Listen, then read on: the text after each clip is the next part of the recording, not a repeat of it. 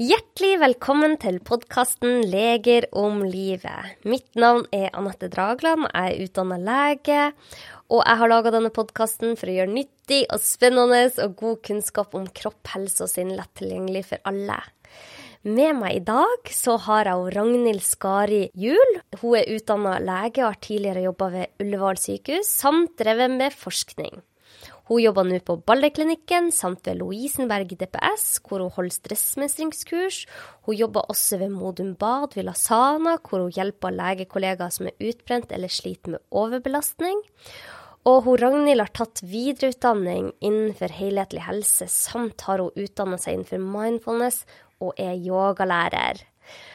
Hun har også en populær Instagram-konto ved navn Mindfulness-legen, hvor hun deler kunnskap og inspirerer andre til å ta vare på egen helse. Hjertelig velkommen, Ragnhild. Tusen takk, Anette. Så hyggelig at vi endelig fikk eh, til det her. Veldig koselig. Vi møttes jo eh, første gang på bokbadet til han Torkil Færø. Ja, det var veldig spennende, det bokbadet. Det var veldig morsomt å være der. Ja, det var veldig Da var jeg spent, for at da skulle jeg være i lag med Torkil der framme. Men uh, han Torkil er en stjerne på scenen, så det der gikk så fint. ja, det ble veldig fint uh, bokbad og veldig spennende samtale som dere hadde. Ragnhild, du er jo interessert i veldig mye, og du er opptatt av å se helhetlig når det kommer til helse. Hvor lenge har du jobba med dette? Jeg har eh, jobbet som lege nå i over eh, 20 år, og så er det vel nå de siste 15 årene at jeg har jobbet mer med helhetlig helse. OK, det er lenge! Ja. Det begynner å bli mange år. Ser du at det, at det har endra seg, at det skjer en endring i hvordan vi ser på helse? Ja, jeg tenker når jeg studerte, så var man jo veldig opptatt mer av litt sånn enkle forklaringsmodeller, eh, var min opplevelse. Sånn at vi nå kanskje ser mer multifaktorielt på det med sykdom, både når det gjelder årsaker til det og også løsninger. Så det er jo kommet så mye ny forskning, sånn at uh, psykonevroendokrinoimmunologi f.eks. er et veldig langt ord, men sier også noe om at vi ser at uh, helse er mer sammensatt da, uh, nå, tror jeg, enn mm. før.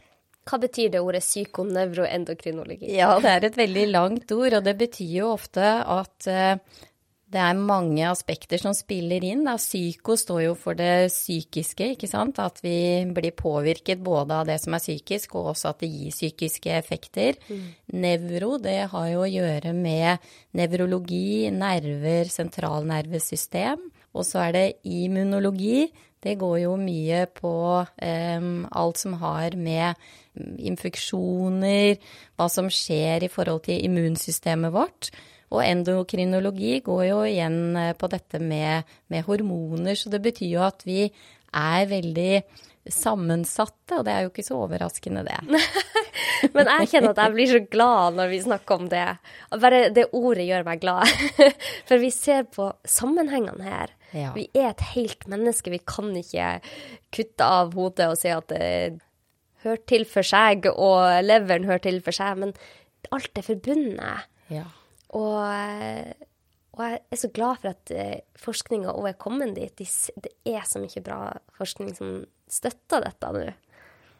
Veldig, og det gjør jo at det er um, mange muligheter, rett og slett, tenker jeg. Både med å se på årsaker, men også behandlinger i forhold til å kunne hjelpe, hjelpe mennesker til å, å få, det, få, det, bedre. Mm. Du jobber på Vilasana, som er et behandlingsopplegg for utbrente leger. Hva er det du ser går igjen hos de? Det som går igjen hos mange, er at det blir for mye av det som tærer, og for lite av det som nærer. Og det begrepet der har jeg lært av professor Anna Louise Kirkeengen, som har skrevet uh, veldig mye om, uh, om helse generelt. Men, men, det som mange beskriver, er at uh, det blir eh, for mye, mye jobbing på en måte som de opplever som uhensiktsmessig, mm. eh, rett og slett. Og at den gleden, energien, altså det som er viktig for deg som lege, blir litt borte på veien mm. fordi systemet er lagd på en sånn måte at det er vanskelig å gjøre en, en god jobb, rett og slett. Men hvordan hjelper man de, da? For de, de, har jo den jobben de har. Ja. Hva, hva, jeg vet at mange har utrolig god effekt av å være den uka på Villa Sana. Jeg blant annet hatt en gjest her inne som eh, har vært der og fortalt veldig mye godt om det. Hva er, hva er viktige steg for å kunne få til en hverdag da, som er veldig hektisk for dem? Ja, det er jo veldig godt spørsmål, og det kan jo være ofte veldig sammensatt. Men kanskje bare det å ta seg en pause, rett og slett, og komme litt ut av autopiloten og det hamsterhjulet du er i, kan være veldig nyttig. Mm. For det er jo noe av det som mange av oss ikke klarer. Når vi er i dagliglivet, så går det så fort og så hektisk at vi klarer ikke å ta det lille skrittet tilbake og kanskje se på små justeringer vi kan gjøre for å, å, ta vare på oss selv. Så det ene er jo det å, å, stoppe litt opp. Gjerne snakke med kollegaer eller snakke med noen andre. Dele litt erfaringene dine. Kan jo være veldig nyttig, rett og slett for å speile litt, se litt på hva er det som er pågående nå. Og så er vi jo tilbake til de fem tingene som vi vet er veldig godt dokumentert, ikke sant, eh, i forhold til helse. Mm. Som går på det med søvn, Fysisk aktivitet, vi vet relasjoner er veldig viktig, vi vet det med mat og kost er viktig, og også stressmestringsverktøy, som er like viktig for oss som leger som for alle andre, som er litt lett å glemme noen ganger. Eh, og så er det å ha en samtale en del av opplegget der med lege eller, eller um, psykolog, mm. hvor man kanskje kan se litt og lage litt strategier for uh, hva man kan gjøre. Og ofte så er erfaringen at det kan være litt små ting man kan jobbe med over tid, som vil kunne være veldig viktig for at når det er gått en måned, tre måneder, seks måneder, så har du det litt annerledes. Og så er det jo noen som også velger å gjøre store, viktige livsvalg også, da, ikke sant, eh, mm. som er der. Men det er litt sånn spennende å se at ofte så kan være små forandringer som kan bety uendelig mye i forhold til de, de fem faktorene som vi vet uh, veldig mye om er uh, viktige for god helse, da. Og det skal vi gå mer inn på, for det ja. syns jeg er skikkelig spennende. Så jeg er så glad for at du òg er så uh, engasjert i akkurat dette. Men før vi kommer dit, så har jeg mange spørsmål til deg. Dette med Vi har vært så vidt inne på det. Kroppen vår henger sammen. Men, men hvordan henger vi sammen? Ja. Det er et stort spørsmål. ja. Så, og det er jo det er veldig spennende. Og jeg tenker at eh, vi henger sammen på mange måter. Så for det første så, så henger vi jo sammen med naturen. eh, og vi henger sammen med samfunnet. Og så har vi kroppen eh, og psyken. Og veldig mange av disse tingene påvirker hverandre. Og det er jo første gang vel i historien at vi på en måte er tatt ut av naturen, da. Vi lever ikke så i takt med naturen som det vi gjorde tidligere. Mm. Og vi ser også at eh, det er jo så masse forskning på det, at hva det betyr å være i naturen, gjør jo noe med nervesystemet vårt. Evolusjonsmessig så er vi på en måte designa også for å være i kontakt med naturen. Mm. Eh, og så vet vi at eh, samfunnet og relasjoner har også utrolig mye å si for helsa vår. Og det å ha gode, trygge relasjoner er kjempeviktig. Og det vil jo i stor grad også påvirke hvordan vi har det som individer. Og så er det jo teknologien som har utviklet seg også veldig med sosiale medier, som også er uvant for oss og, nervesystemet vårt. Og evolusjonen eh, har jo ikke tidligere hatt et så stort eksperiment som det vi har nå. Så det er klart alle disse tingene som kunne også være både beskyttende og nærende faktorer, de har vi kanskje i mindre grad, det med naturen og relasjoner. Og så har vi noen mer utfordrende faktorer, som f.eks. sosiale medier, som kanskje kan gå begge veier. Og så viser jo forskning at både ytre ting, men også tanker og følelser påvirker både hjernen vår, sentralnervesystemet, det påvirker hormonene våre, det påvirker eh, også immunsystemet vårt. Sånn at hele dette bildet, da, betyr jo at eh, det er en veldig sånn store og veldig sammensatte, ofte årsaksforklaringer til dette med helse. Ja. Så det er så et veldig, veldig stort eh, tema, og man kan jo definere det på, på mange forskjellige måter. Men jeg tenker i hvert fall når jeg jobber med, med helse og med helsebegrep og pasienter, så er det veldig mange ting som vi ofte tar tak i, da. ja. Mm. Hva er det du brenner mest for? Og, og, for du driver jo Mindfulness-legen på eh, Instagram. Hva er det du brenner mest for å dele av den kunnskapen? Ja. Så eh, det jeg brenner veldig for, det er det med stress og stressmestring. Fordi at jeg tenker at eh, det med ubalanse i det med næring og tæring, det kan gi overbelastning og stress i kroppen og i sinnet, og at hvis vi som mennesker kan lære oss verktøy for å håndtere og mestre stress, så vil det kunne være ekstremt viktig for å ha det bra. Eh, også når det er perioder hvor det er mye stress. Sånn at vi kanskje ikke skal være så redd for stresset heller, mm. men passe på når det blir for mye, å vite og bli kjent med vår egen kropp, vårt eget sinn, og kunne lære seg å håndtere rett og slett livets utfordringer på en så god måte som, eh, som mulig. Det brenner jeg veldig for, mm. Eh, og har gjort at jeg da har jobbet veldig mye og ønsker å jobbe mer og mer egentlig med, med mindfulness, da. Men hvor, eh, før vi går dit, så blir jeg litt nysgjerrig. Hvordan fungerer egentlig stresset på oss? Vi har snakka om det flere ganger i podkasten, men tenk at det, det greit å ha gått litt inn i det, særlig du som har satt deg så inn i forskninga. Du sier at litt stress skal vi ha. Hva er det, hva er, hvordan skal vi vite om det det stresset vi skal ha, eller det stresset vi ikke skal ha? Ja, det er jo et veldig godt spørsmål. Så, og jeg tenker at da kommer vi jo litt inn på det med at vi er individuelle, da.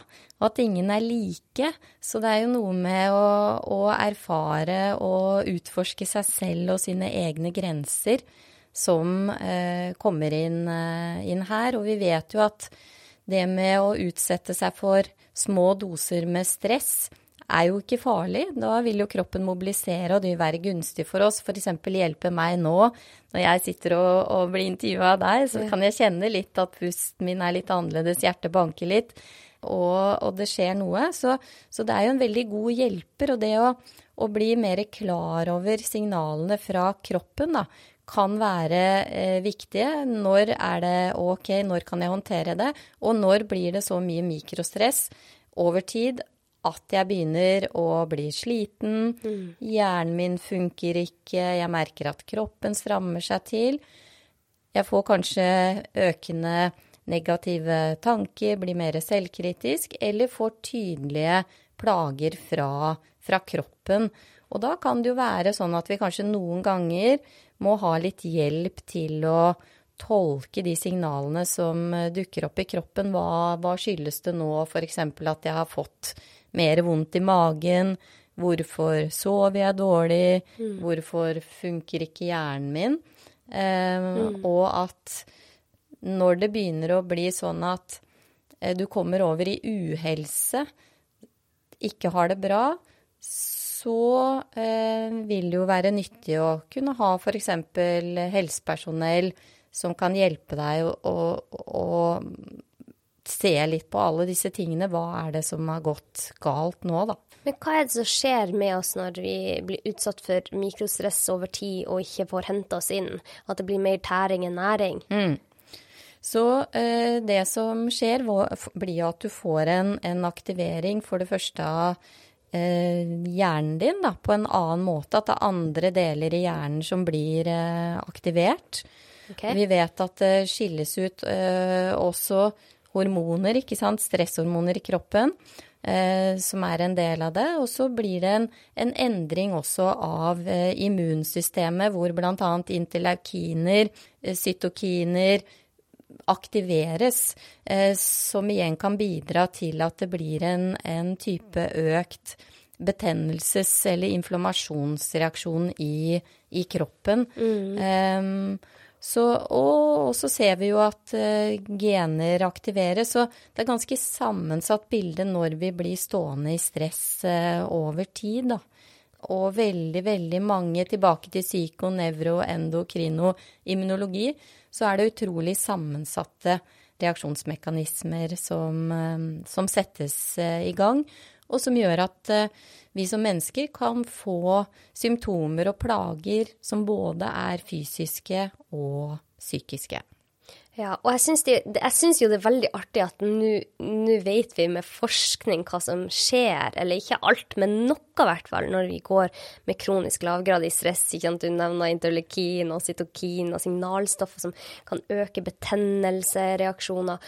Men jeg tenker jo også på, på dette med våre besteforeldre, vår, min bestemor, intuitivt vet at stress vil kanskje gjøre henne syk over mm. tid. At vi har det i oss. Vi har alltid hørt at 'å, nå må ikke du stresse så mye, for da kan du bli syk'. Altså, vi, vi vet det egentlig, mm. men så fortsetter vi å pushe oss og pushe oss, og det er jo veldig, veldig vanlig at vi pusher oss så hardt at vi faktisk blir fysisk eller psykisk syk.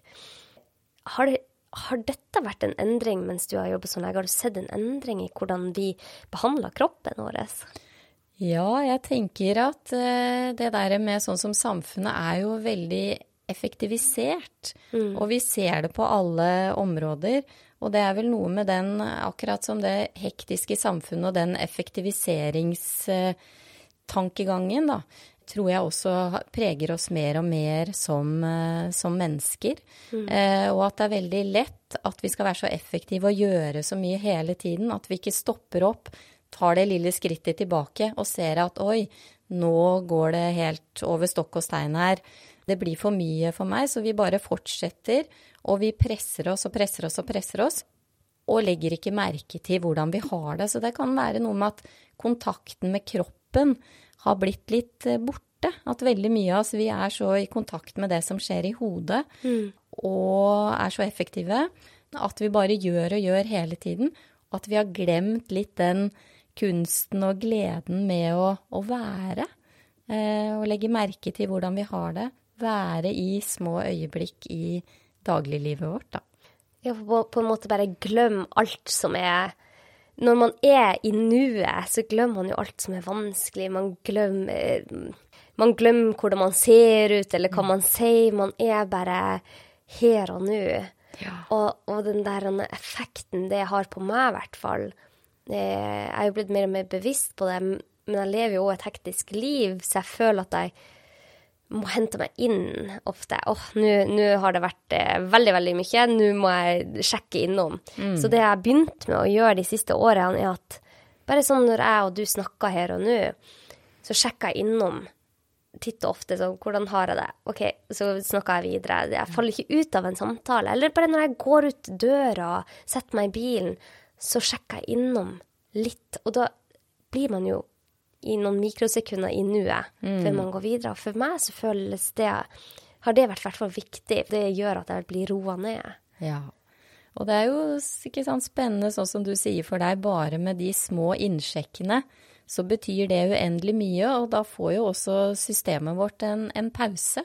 Mm. Sånn at det blir ikke stående og fyre hele tiden nervesystemet. Så en del av disse tingene vi har vært inne på nå med interleukiner og cytokiner og, og hormoner, de, de, de, justerer seg jo da, ikke sant, uh, igjen, da med når vi kommer over i det parasympatiske delen av, eh, av, nervesystemet. Så vi blir rett og slett bedre til å styre oss selv med å ta de små innsjekkene. Mm. Eh, og jeg merker det på meg også. Jeg er også ganske sånn eh, entusiastisk og litt sånn person som kan bli fort stressa og veldig lett for å ligge i framtiden. Ja. For de har så lett å tenke videre på det som skal skje etterpå. Så, så betyr det uendelig mye og har hatt veldig masse å si for meg og, og mitt liv og måten jeg jobber på. Det at jeg har ja, blitt så interessert i dette med, med mindfulness fordi jeg har hatt et stort behov for det, da. Ja, for hva som gjorde at du ble så interessert i det? Det som gjorde det, var jo når jeg jobbet på, på Ullevål sykehus og holdt på med, med, doktorgrad, så merket jo jeg at uh, hjernen min ikke fungerte som den skulle mer. Jeg merket at jeg hadde lite energi, overskudd. Og så har jeg alltid trent uh, mye og brukt det som en mestringsstrategi, men plutselig så hadde jeg ikke energi til det. Mm. Så mestringsstrategiene mine som jeg hadde fra før av, de, de fungerte rett og slett ikke. Og så hadde jeg allerede lest ganske mye sånn eh, selvhjelpslitteratur og sånn, men det gjorde da at jeg fant eh, mindfulness og dette her med oppmerksomt nærvær via lege Mikael de Vibe. Ja. Gikk jeg på et kurs på Nidaros-kongressen eh, og ble veldig interessert og følte at det traff meg veldig, den tilnærmingen med, med nærvær. Og gjorde at jeg selv kom i gang med meditasjon, mikropauser, som du sier, yoga. Og det fungerte såpass bra for meg at jeg da videreutdanna meg i, eh, i, det. Og jeg tenker at det har gjort veldig stor forandring for, for meg og rent personlig, og for det jeg etter hvert tenk, har tenkt hva som er eh, viktig og lurt da, for, eh, for god helse. Jeg husker òg at jeg Dette må jo være ti år siden jeg hørte på en CD. Det var 15 år siden jeg hørte på en CD av Mikael de Vibe. Ja, ja. Eh, som, eh, som, Det var en av Han var en av de første som lærte meg i hvert fall hva det var, for jeg hadde ikke tenkt tanken på hva mindfulness er. Men OK, vi skal gå inn på mindfulness, for dette er du så god på. Du er så god på å formidle om dette. Det er mange som spør meg hva er forskjellen på mindfulness og meditasjon? Ja, eh, når vi eh, bruker mindfulness, så bruker vi jo meditasjon ofte som en del av eh, mindfulnessen. Mm. Så det er en del, akkurat som en liten verktøykasse, som vi ofte bruker når vi har mindfulness-kurs på sykehuset, så lærer vi deltakerne en del verktøy og meditasjon er en av de verktøyene som vi da lærer bort, da, for å mestre og håndtere stress og, og utfordringer. Ja, og hva, hva er forskjellen? Ja, så mindfulness handler mye om å trene oppmerksomheten på å være til stede her og nå, mm. eh, ikke i fortid eller i fremtid. Og så jobber vi også mye med holdning, det å ha en sånn åpen ikke-dømmende holdning til det som er pågående. Og meditasjon, det kan jo være f.eks. å sitte rolig og ha oppmerksomheten på pusten. Mm. Mens eh, mindfulness kan i tillegg til bare meditasjon, det kan også være å gjøre rolige yogaøvelser hvor du da har oppmerksomheten din med i det. Mm. Det kan være å gjøre avspenningsøvelser, bodyscan, hvor vi flytter oppmerksomheten rundt i kroppen. Det kan også være gående meditasjon. Eh, sånn at det er flere verktøy da, som er med i den verktøykassa, og ikke bare meditasjon. Så mindfulness er rett og slett å bare være til stede her og nå? Ja. ja. Med en litt sånn åpen og nysgjerrig holdning. Ja. Sånn at uh, vi prøver ikke å forandre på ting som det er, eller sånn som jeg nå kan kjenne på litt uro eller litt hjertebank så kan jeg prøve å møte det litt tålmodig og vennlig uten å forandre på det, dytte det bort eller ønske det ikke skulle være sånn. Men eh, det er noe med de holdningene da, til oss selv og det vi møter, som er veldig viktig i, i det med mindfulness. For vi har en tendens til å være selvkritiske. Mm og til å dytte ting bort og ikke ønske det skulle være sånn som det er. Men nå er det mer som en sånn detektiv eller lekenhet i det å, å utforske. Ja, hva er det som skjer i meg nå i dette øyeblikket? Ja, for jeg får utrolig masse spørsmål om hvordan man kan begynne med mindfulness, eller begynne med meditasjon. Mm. Og jeg husker selv når jeg begynte med meditasjon, så hadde jeg på ingen måte en ikke-dømmende måte å, å, se på mine tanker på. Da dømte jeg hver eneste tanke som fløy forbi. Og det var veldig slitsomt å sitte i en stol og prøve å følge med på tankene. Så hadde jeg, jeg hadde jo på en måte ikke gått til noen og lært dette, så hadde jeg bare lest i forskjellige bøker hvor bra det er. Og jeg husker jeg tenkte på alle disse tankene. tenkte, Hvorfor tenker jeg sånn? Hvorfor er jeg så dum? Herregud, slutt å tenke på det. Nå skal du sitte her i ro. Du skal være avslappa. Jeg føler meg jo ikke avslappa. Hva er det jeg gjør galt? Mm. Altså, det, det, det dukka opp så vanvittig mange tanker. Kan man trene seg til å ha en ikke-dømmende holdning til sine tanker? Absolutt, og det er jo det som er gode nyheter, er at det meste kan vi trene oss på. Det syns jeg er veldig spennende, så det er lett å og bli litt sånn desillusjonert og tenke at ja, men jeg er som jeg er. Men det, det er veldig mye vi kan trene oss, uh, trene oss på. Mm. Og mindfulness kan jo aldri hjelpe oss å stoppe tanker eller følelser. Det er ikke sånn det fungerer, men det vi kan trene på, det er jo å legge merke til uh, når det kommer, og så kan vi trene på å slippe. Så jeg syns jeg hørte på en meditasjon nå en dag forrige uke som var litt annerledes enn det jeg har hørt før, og der var oppmerksomheten på å legge merke til hver gang du falt ut. Ja. Ikke sant? Og det er litt fint, for da er det noe med å belønne. Ja, men så bra. Nå la jeg merke til at jeg begynte å tenke på lunsjen etterpå, eller nå la jeg merke til at uh, jeg tenkte sånn, i dag får jeg det ikke til. Så, så, så det kan være en annen måte å gjøre det på, legge merke til hver gang du faller ut, da og så samle oppmerksomheten tilbake til det du holder på med. Så, men det er veldig mulig å trene på å bli mer grei med seg selv, rett og slett. Hm. Og hvordan, hvordan, gjør vi dette? Kunne, eh, jeg har lyst til å, dele dette verktøyet med mine eh, lyttere, fordi at for min del hvert fall, så har det vært så Det har betydd så uendelig mye for mitt eget liv. Jeg kan nesten ikke jeg kjenner meg nesten ikke igjen denne personen jeg var for 15 år siden, den jeg er nå. For jeg gikk konstant i en sånn stressmodus, mm.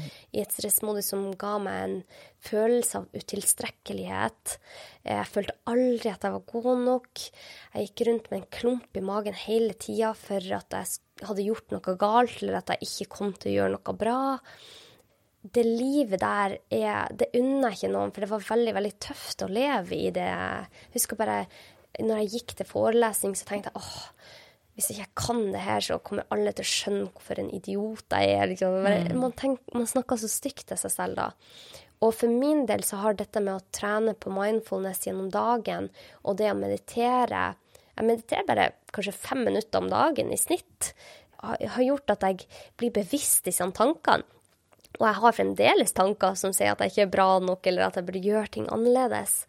Eh, men jeg dømmer det ikke. Jeg tenker å hei, der var du igjen, du, mm. du kritiske stemme som mm. sier at jeg ikke er god nok. Mm. Så hyggelig at du kommer innom, men nå skal jeg gå videre. jeg prøver ikke å skyve det bort, da. Og det er kanskje noe av det viktigste, at jeg ikke prøver å skyve bort følelser, vonde følelser eller vonde tanker. Mm. For da kommer de jo bare tilbake som en bumerang, ikke sant? Ja. ja. Så hvordan kan vi Du har lært opp utallige mennesker i dette.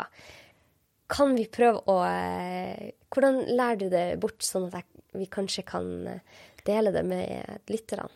Så eh, når vi holder åtte ukers kurs på sykehuset, så er det jo en prosess, ikke sant. Og det er jo litt viktig å tenke seg at eh, man er nybegynner, da. Mm. For det er lett å ville gå og være ekspert med en gang, men alle er vi nybegynnere, og det er noe nytt.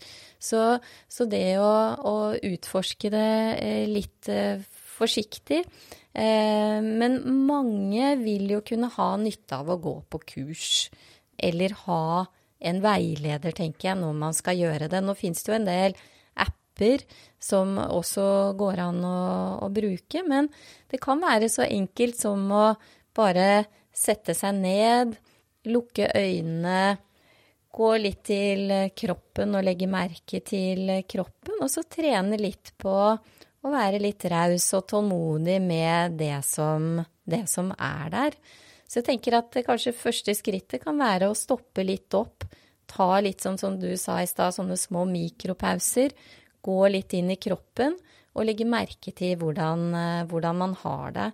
Og så når vi mediterer, så starter vi ofte med kroppen, og så etter hvert så flytter vi også oppmerksomheten over på å legge merke til følelsene våre. Vi jobber med å legge merke til tankene våre. Og så trener vi en del på å samle oppmerksomheten også i pusten. Sånn at, og pusten er jo alltid her og nå. Så, så det å, å samle oppmerksomheten på pusten roer jo ned nervesystemet, for da unngår vi å ha splitta oppmerksomhet. Så, så det å, å, fokusere på pusten kan jo være én faktor, da, som eh, går an eh, å, å, utforske, men som også kan være litt, litt vanskelig mm. eh, i det. Så, men det er noe med det oppmerksomme nærværet som vi da bruker så godt vi klarer på å legge merke til oss selv og det som er pågående i oss selv, da. Så hvis man sitter f.eks. Eh, på gulvet eller i en stol eller ligger eller hva man egentlig vil, og fokuserer på pusten, så skal man ikke prøve å endre pusten. Nei. Man skal bare prøve å følge den. Å ja, der går den inn, mm, ned og mm. ut igjen. Ikke sant? Så litt annerledes enn det med å dra pusten langt, som vi gjør noen ganger med yoga, så gjør vi det motsatte her. Her trener vi bare, sånn som du sier, akkurat som du hekter oppmerksomheten din på pusten, og følge bølgen av pust inn og bølgen av pust ut igjen. Og ofte, hvis vi da legger merke til om det er en liten endring, det kan være i neseborene våre, en liten hva skal vi si, kroppslig erfaring av pusten, eller det kan være pusten i brystet eller i magen, så går det an å kanskje hekte oppmerksomheten på kroppen som puster, da. Hmm. Som kan være en, en hjelper. Mm. Mm. Og, og, så er det jo veldig vanlig at man faller ut etter eh, et halvt pust. veldig, veldig vanlig. Det er nesten rart hvis du ikke gjør det. Ja. ja. Og det er veldig greit å vite om. Men, Kjempegreit. Så da skal man, når man faller ut, bare anerkjenne Oi, der falt jeg ut. Ikke noe ja. dømmende. Eh, og så gå tilbake til pusten. Ja. Og hver gang du oppdager at du faller ut, så er det jo oppmerksom, ikke sant. Så i forhold til mindfulness og praksis, så er det et godt tegn. Ja, men så bra, nå oppdaga jeg at jeg hadde falt ut. Ja. Og så kan du nesten belønne deg selv litt for at du falt uh, ut og la merke til det. Ja. Og så drar du deg tilbake igjen. Og noen ganger så er det veldig mye som er pågående hele tiden i, i tankene våre eller følelsene, og vi faller ut mange ganger. Mens andre ganger så kan det være mer, mer, rolig. Men treningen går rett og slett på å legge merke til når du faller ut, og samle. Så faller du ut, legger merke til det, samler igjen. Sånn at du får en, en type fokusert trening da, på å komme tilbake til her og nå igjen og igjen og igjen. Mm. Og så i tillegg så er det den holdningsavdelingen du trener, med å prøve å være tålmodig, mot deg selv, raus. Ja, ja, da kom den tanken igjen. Og ja, så var jeg der. Og så kanskje smile litt i stedet for at du blir kritisk og tenker at du ikke får til. Ja. Og så komme tilbake igjen til, til uh, igjen der hvor du er, og legge merke til pusten din. Ja. Og så etter hvert så blir man eh, Klarer man å holde konsentrasjonen litt lengre av ja. gangen. Ja. Og den type trening Det er lett å tenke at det er sånn type dametrening, dette med meditasjon, men det er det jo absolutt ikke.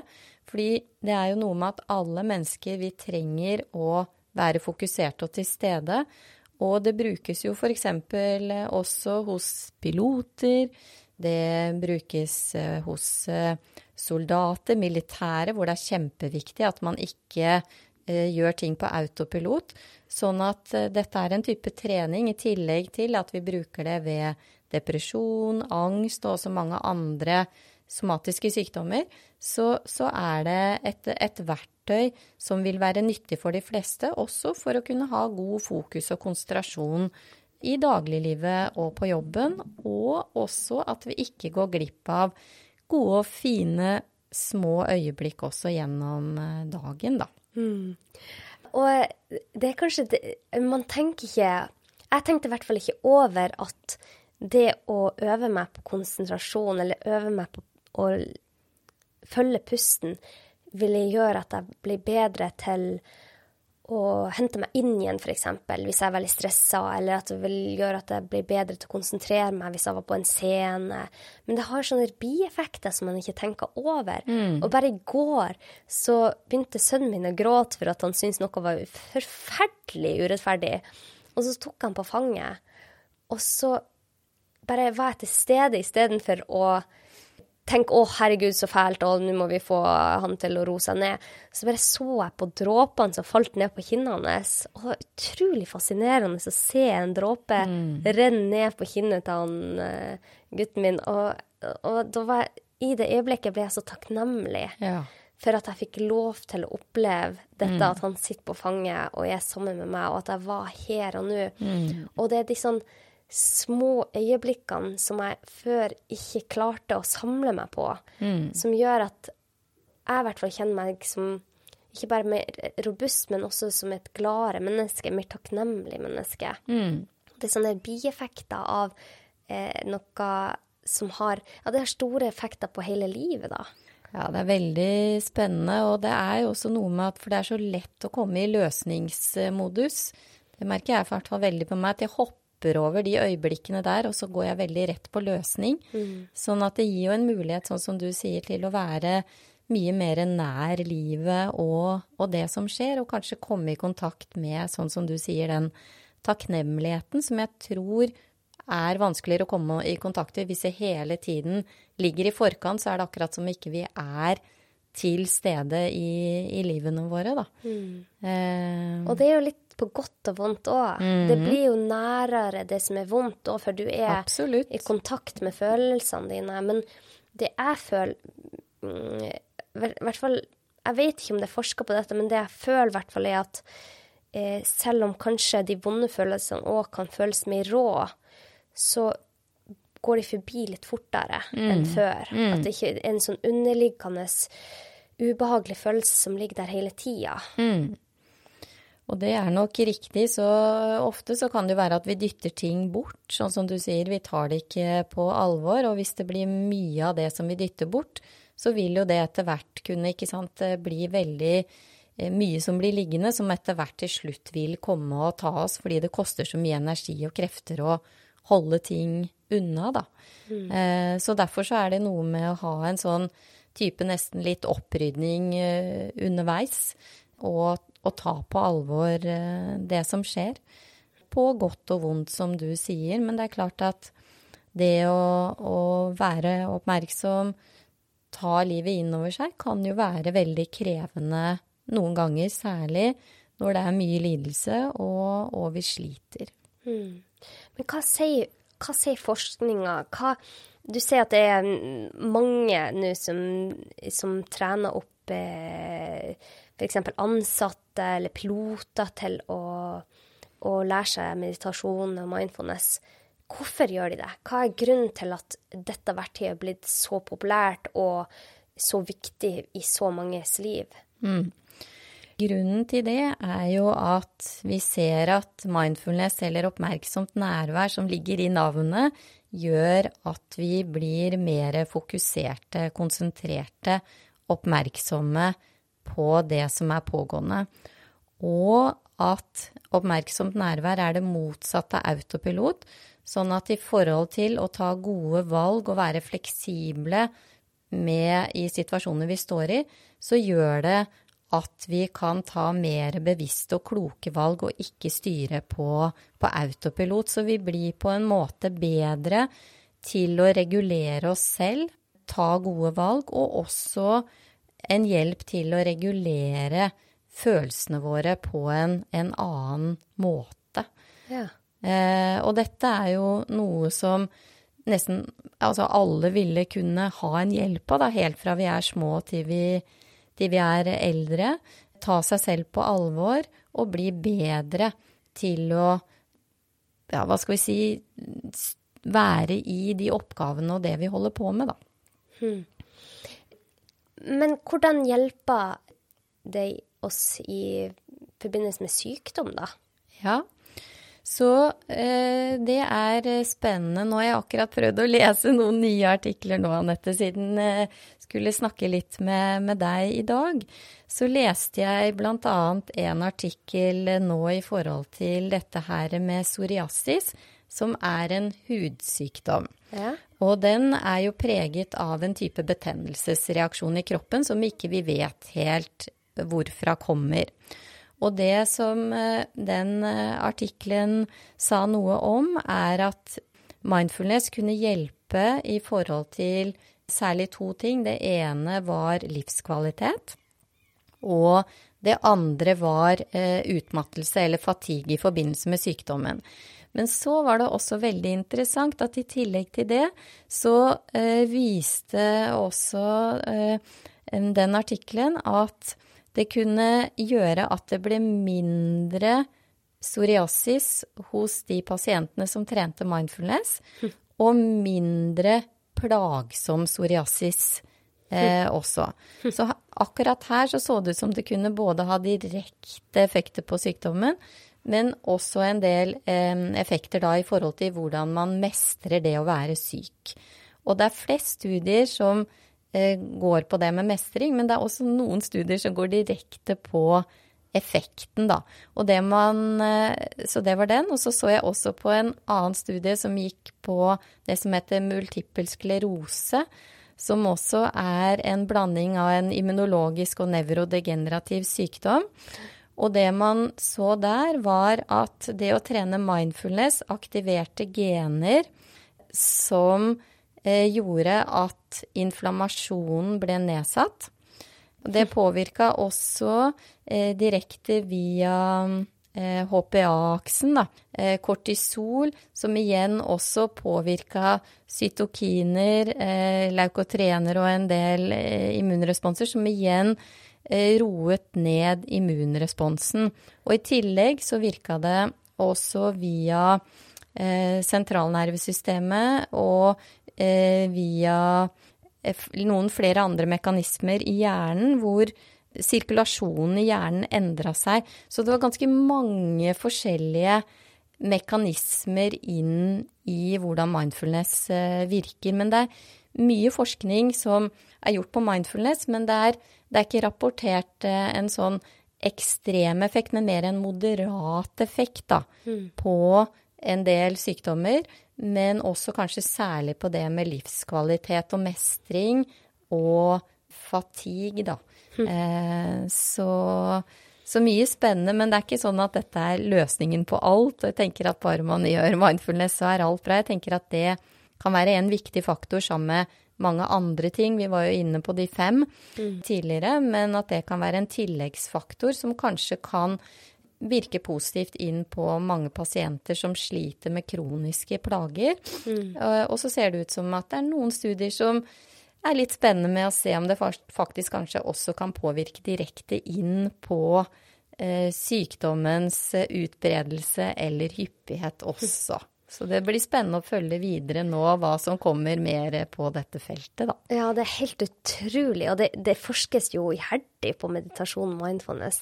Men så det er ulike eh, Det du sier at forskning viser at det kan ha effekt på ulike sykdommer, at det kan gjøre det bedre. Det er ikke sånn at mindfulness eller meditasjon vil helbrede, men det kan ha en god effekt og ja. også i livene våre generelt. Mm.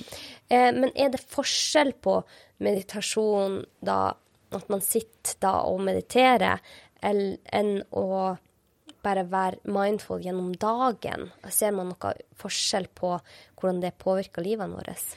Det er jo gjort en del forskning på de forskjellige øvelsene, så svaret på det er vel ja. Men jeg tenker at begge deler kan være veldig bra. Men i form av det med eh, veldig, hva skal vi si, mer iherdig praksis, da, så vil nok det i større grad påvirke eh, hjernen vår og hvordan hjernen fungerer. For man har jo sett at det skjer en del endringer, ikke sant. Både i hippocampus, i amygdala, i i fremre del av hjernen, insula, og på en måte forbindelsene med disse, særlig hos de som har meditert over lang tid veldig regelmessig. Eh, så, så, der er det nok litt forandringer på det i forhold til hvis du bruker oppmerksomt nærvær ja. eh, mindre, da. Ja, for du nevner eh, hjernestrukturer mm. som er forbundet med f.eks.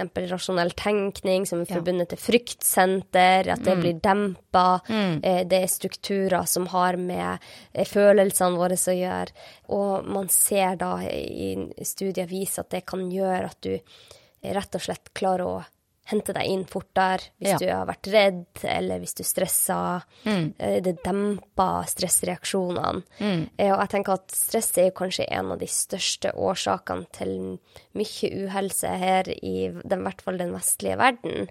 Så det at man har et verktøy som hjelper mot dette enorme trykket det er av stress i, i samfunnet, tror jeg ja, jeg er veldig glad for at det finnes. Jeg er helt enig, og Verdens helseorganisasjon har jo definert helse som en av de største helseutfordringene i vår tid. Nå var det mm. akkurat før korona de definerte det, men, men det sier jo noe om at det er eh, blitt et, eh, et sto, en stor utfordring for eh, samfunnet og for eh, helsevesenet, dette her med stress og uhelse, da. Mm.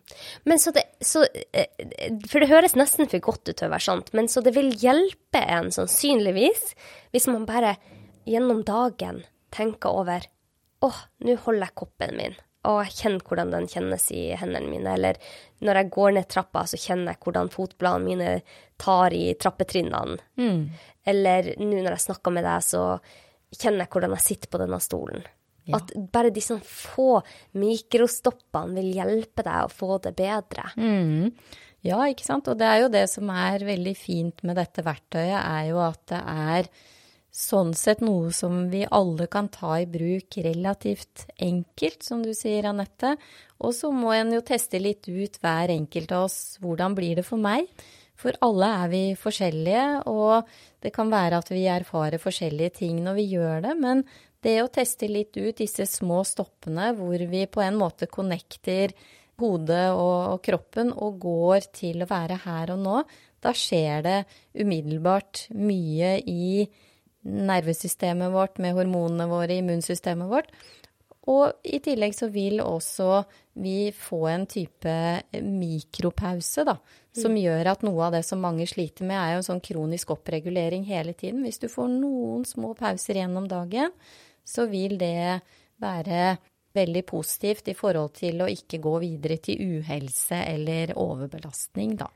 Har du noen tips og triks for hvordan vi skal huske på dette i hverdagen? For at jeg vet i hvert fall selv når, særlig når det koker rundt meg, så er det så lett for meg å glemme å være til stede. Da er jeg mm. alltid enten bak eller foran. Jeg er ikke akkurat her og nå. Er, har du noen triks du lærer bort eller bruker selv som gjør at du klarer å huske på dette gjennom hverdagen? Ja, eh, jeg er veldig glad i å drikke te, så det er en sånn fin måte for meg med å for det første eh, lage meg en kopp te. Kjenne varmen fra koppen, lukte på teen, og så bruke sansene. Så det å bruke sansene våre inn i noe vi gjør hver eneste dag, det kan være å drikke te, det kan være at du er glad i kaffe, det kan være når du lager i stand til middag eller spiser. Så det med sansetrening er eh, ofte en sånn inngang. Mm. Så, så, tenk litt etter hva du gjør i, i løpet av eh, en dag, noe du liker ekstra godt, Altså at du da bringer nærværet inn i det. Være i naturen er jo også en annen veldig fin mulighet, i stedet for å sette på musikk eller høre på en pod eller et eller annet. At du hører fuglekvitter, kjenner vinden mot ansiktet, kjenner sola nyter å se på de små blomstene som begynner å titte opp nå på denne årstiden, altså er oppmerksom på der hvor du er, da, mm. Eh, er jo også en annen eh, mulighet. Men jeg bare tenker, de som har f.eks. veldig hektiske jobber. Mm. Du jobber jo med leger som er utbrent. Mm. Og det er jo Altså, jeg tror nesten alle jobber nå er hektisk. Du snakker om dette at vi skal være så effektive. Mm. Det er effektivisering i alle ledd i alle ulike arbeidsgrupper nå. Hvordan kan vi bruke det inn i en, en hverdag da, som er veldig hektisk, som kan gjøre at vi lettere kommer til inn i parasympatisk, altså rolig modus? Er det noen huskeregler vi kan huske på, eller et triks som gjør at vi klarer å hekte det fast til, til mindfulness? Ja. Ja, det jeg tenker på særlig de overgangene, f.eks. hvis du jobber i allmennpraksis, så kan det jo være hver gang du reiser deg opp eh, og tar i dørhåndtaket og skal ta en ny pasient inn på kontoret ditt, at du da f.eks. er ekstra oppmerksom på å ta på dørhåndtaket og trekke pusten dypt én eller to eller tre ganger. Mm. Så, så, det med pusten er jo et, egentlig et veldig enkelt verktøy med at du bare puster inn gjennom nesa og så f.eks. Eh, slipper pusten ut igjen og puster ut igjen, så, så, kan jo det være, og så mm, legger det inn, så tenk at det er egentlig ganske lite som skal til. Eller når du går på do, f.eks. Det må jo alle gjøre i løpet av dagen. Eller i forbindelse med lunsjen. Sånn at du prøver å ha noen sånne faste rutiner. For det er som du sier, at det er veldig vanskelig å, å endre, endre, rutiner. Men det er jo den der lille boka 'Atomic Habits', ikke sant, handler jo veldig mye om små ting. Ja. Så hvis du kan ja, gjøre et eller annet, eller når det ringer f.eks. at du lar det ringe én eller to ganger ekstra, sånn at Å stoppe litt opp av og til. Ja. Det, det, det, er det. Men det er kanskje det med pusten, hvis du skulle tenke at det var et sånt lite knep eller noe. Mm. At uh, du lager deg noen pustepauser når du går på do, da. Ja. det er for, jeg, jeg, tenker på Jeg hadde en kollega i nord. Han, han var fastlege, og han jobba på et fastlegekontor der toalettet var inne på venterommet. Oi, oi, oi. Så, når han skulle på toalettet, så så jo alle på venterommet ja. at han gikk på do. Og så syntes han dette var veldig ukomfortabelt, så bestemte han seg for at han skulle benytte de gangene han gikk på toalettet til noe positivt, og ikke noe som stressa han unødvendig mm. mye. Så han begynte sånn hver eneste gang han skulle på toalettet, så tok han med seg en avis i handa. Ja. eller under armen. Ja, ja. Eh, gikk sakte mot toalettet, låste seg sakte inn og pusta og mm. tenkte akkurat nå er jeg her og nå, det er ikke noe å være farlig for. Mm. Og det ble på en måte, istedenfor å være noe han ville ha gjort veldig fort og kjapt, siden mm. alle sto og så på han, så gjorde han det om til noe som var bra for han. Ja. Og jeg flirer litt når jeg tenker på at han gikk fra legekontoret med en avis under armen og inn på do.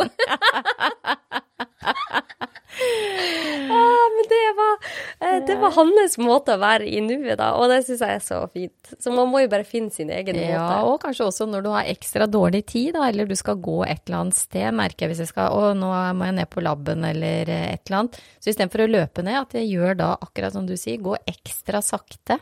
Ja. Bare for å tune litt ned og tune inn, på en måte. Litt ut av hodet og litt inn i kroppen. Ja. Så kan det bety veldig mye, da. Og jeg syns det er så fint at du bare sier det, at det kan bety veldig mye. Du har jo sett det, du har sett på forskninga, du har sett det gjennom erfaringa di mm. som lege over mange, mange år, mm. at sånne små ting kan ha så stor effekt på hvordan vi har det. Mm.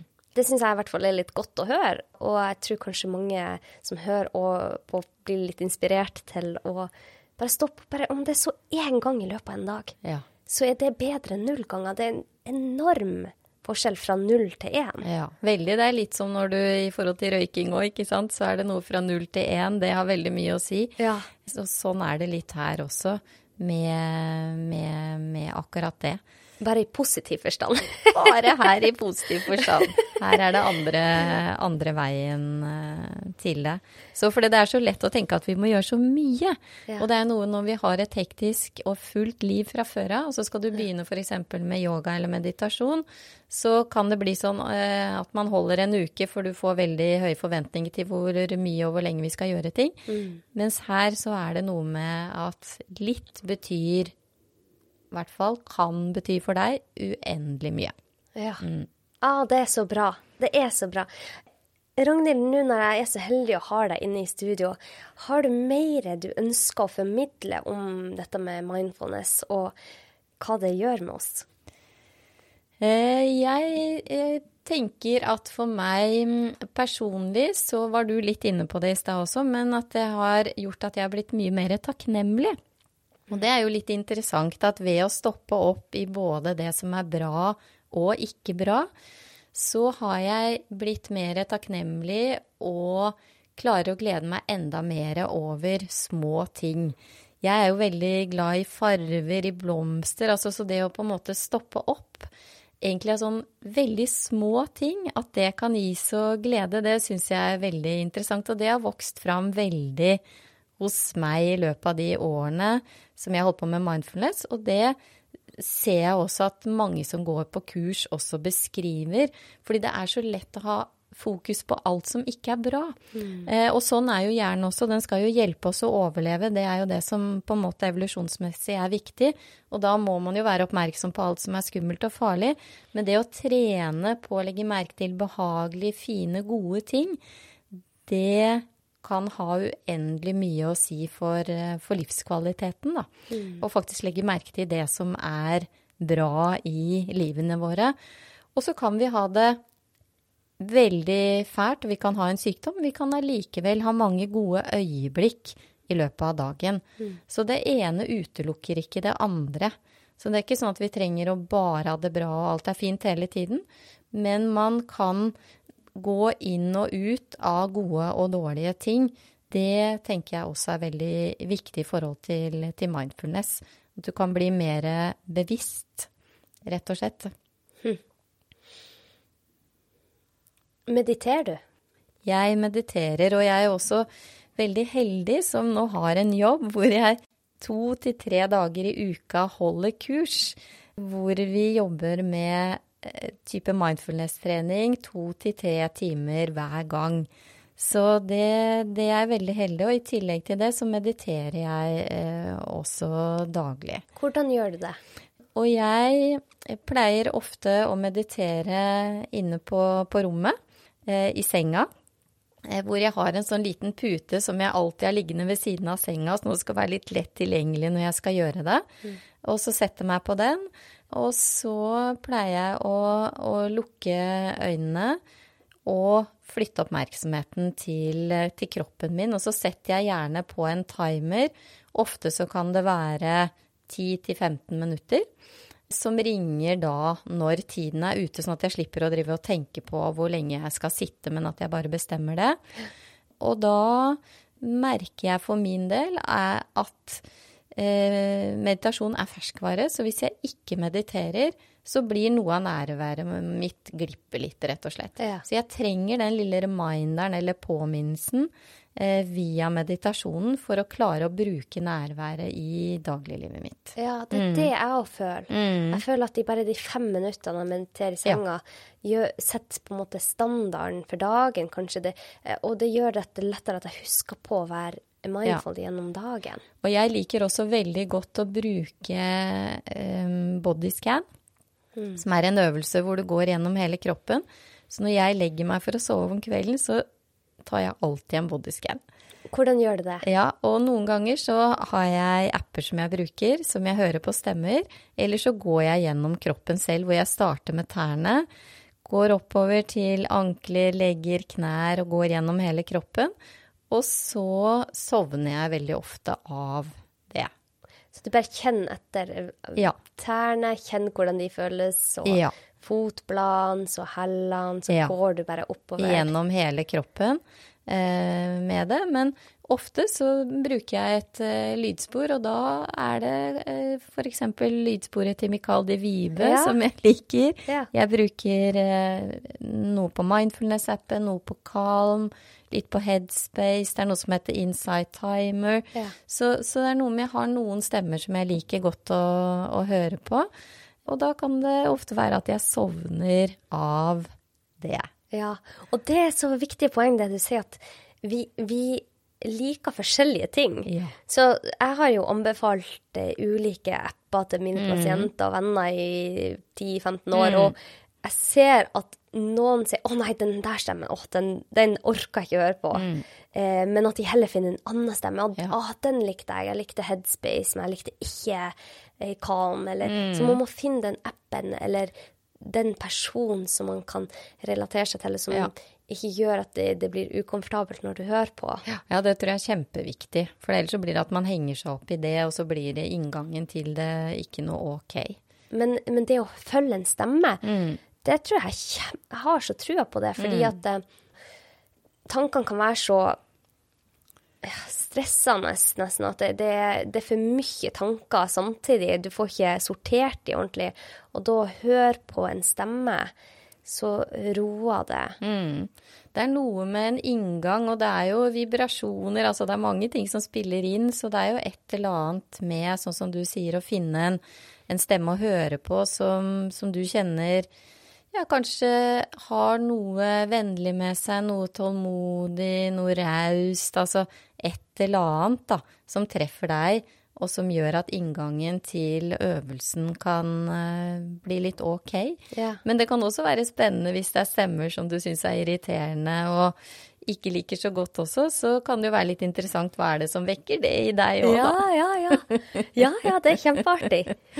Åh, å, dette temaet syns jeg er så utrolig artig å snakke om, Ragnhild, og jeg er så glad for at du deler så mye om dette temaet, også på sosiale kanaler, hvor du lærer oss hvordan vi kan være mer til stede i hverdagen, hvordan vi kan huske på å stoppe opp, da.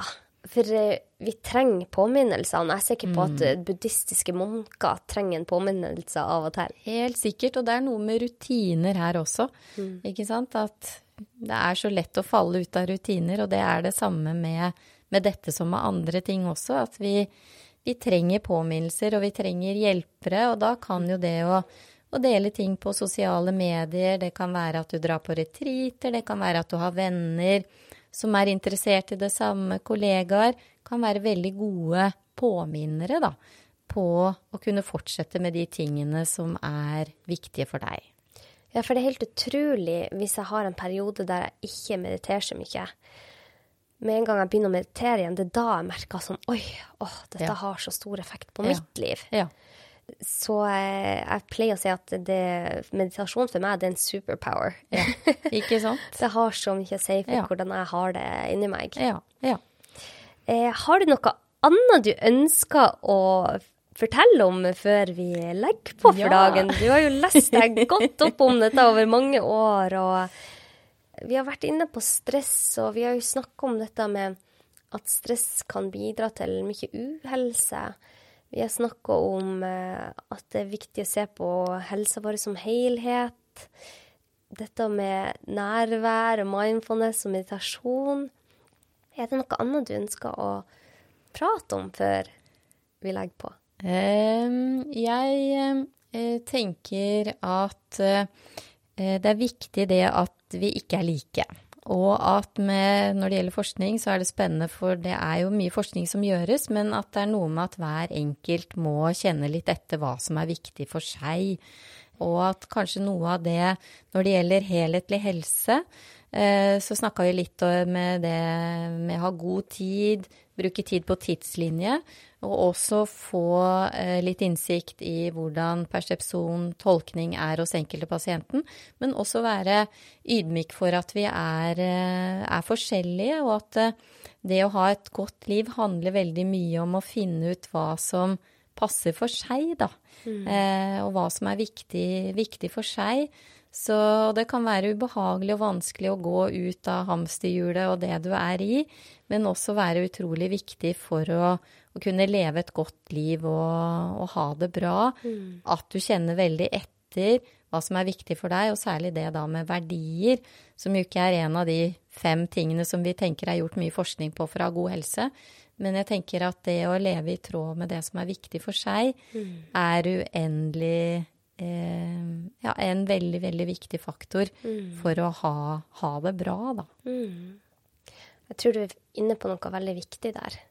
Og så er det jo sånn at vi er jo mindful på forskjellige vis. Ja. Sånn som eh, en pasient av meg, han, han, han, var så mindful når han fiska, så han gikk ut og fiska tre dager i uka. Ja, ja, og da var han helt i sin, i sin sfære og elska det. Og han sa at det var derfor at han var så frisk og rask. Mm. Eh, mens andre får det når de strikker, eller mm.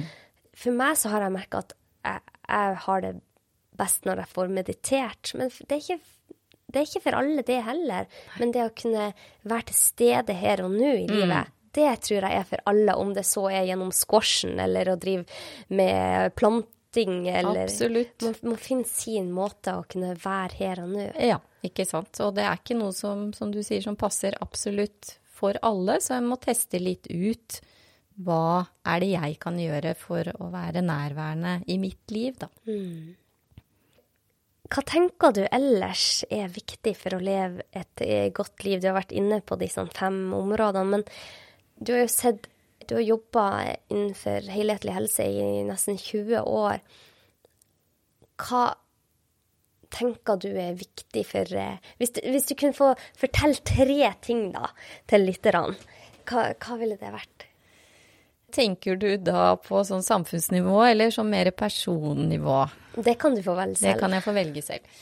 Altså, for å ha et eh, godt liv, så tenker jo jeg at det på samfunnsmessig nivå og i forhold til politikere og sånn, er veldig viktig å legge til rette for eh, økonomi og forhindre sosial ulikhet. Mm. Fordi det er det jo gjort veldig mye forskning på, så viser det at hvis man har veldig dårlig økonomi, så gir det eh, økt risiko for stress, som igjen gir økt risiko for veldig mange forskjellige typer sykdommer. Eh, både fysiske og, og psykiske plager. Så, så, det ene vil jo være at samfunnet tar ansvaret for så godt det går an å utjevne forskjeller. Mm.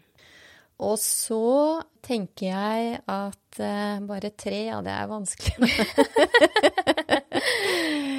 så tenker jo jeg at natur er uendelig viktig. Mm. Både det å ivareta naturen, leve i tråd med naturen, være i naturen, tenker jeg er superviktig. Mm. Og at øh, vi er i naturen, da skjer det så mye med oss på så mange måter, som igjen sikkert vil også gjøre at vi tar vare på verden på en bedre måte. Så jeg tenker natur er superviktig å være i naturen. Mm. Og så det tredje da må jeg nesten ta i det som jeg brenner veldig for, da, med stress og stressmestring. At vi lærer, så, lærer oss å håndtere så godt det går an, da, vil jeg råde alle til.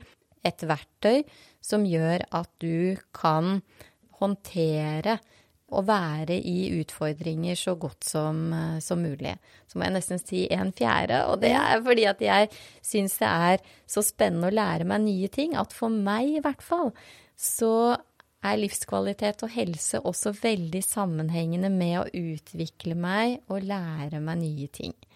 Mm. Så det brenner jeg veldig for. Men der er vi forskjellige, så så, så det, det, å være engasjert, ha noe du virkelig syns er morsomt og spennende, det tror jeg også er veldig, veldig viktig.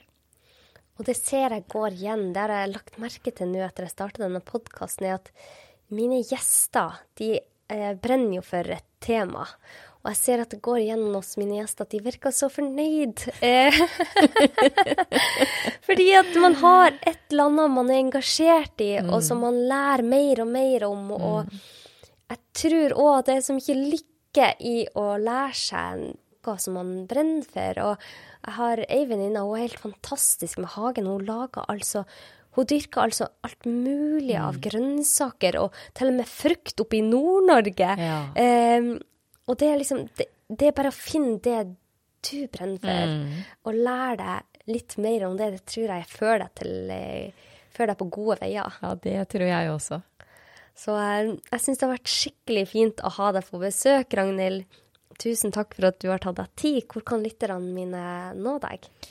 Tusen takk for at jeg har fått lov til å komme, Anette. Lytterne kan nå meg på Balleklinikken jeg har dessverre veldig, for å si det sånn, liten kapasitet til å ta imot eh, nye, nye pasienter. Men det går an å sende mail eller ta kontakt med, med Balderklinikken mm. hvis du har et ønske om å komme til meg. Eller så har jeg også eh, lydspor som ligger tilgjengelig på Spotify. Det kan vi jo sende litt linker til ja. etterpå, Anette. Og jeg har også noe lydspor som ligger ute, enda flere på, på Mindfulness-appen. Men ellers så kan du jo følge meg hvis du har lyst til å bli inspirert på Mindfulness-legen og se alt hva jeg holder på med der. Skikkelig hyggelig, Ragnhild. Jeg følger deg på Mindfulness-legen og syns det er veldig inspirerende. Tusen takk. Da eh, sier vi takk for oss i dag. Hvis du tenker at denne samtalen uh, kunne vært til nytte for noen andre, send den til dem. Det er sånn vi får ut den gode kunnskapen. Og hvis du vil nå meg, så når du meg på. Anette Dragland på Instagram og Facebook. Jeg rekker dessverre ikke å svare alle på meldinger nå, for at det kommer hundrevis i løpet av en dag. Men under kommentarfelt så svarer jeg alle. Så hvis dere vil eh, kommentere noe på denne episoden, kan du kommentere under kommentarfeltet på akkurat denne episoden med Ragnhild eh, Juel. Og så vil jeg bare si tusen takk til alle som abonnerer, som gjør det mulig for denne podkasten å eh, få en ny episode hver tirsdag. Ha en kjempefin dag. Ha det godt. Ha det godt.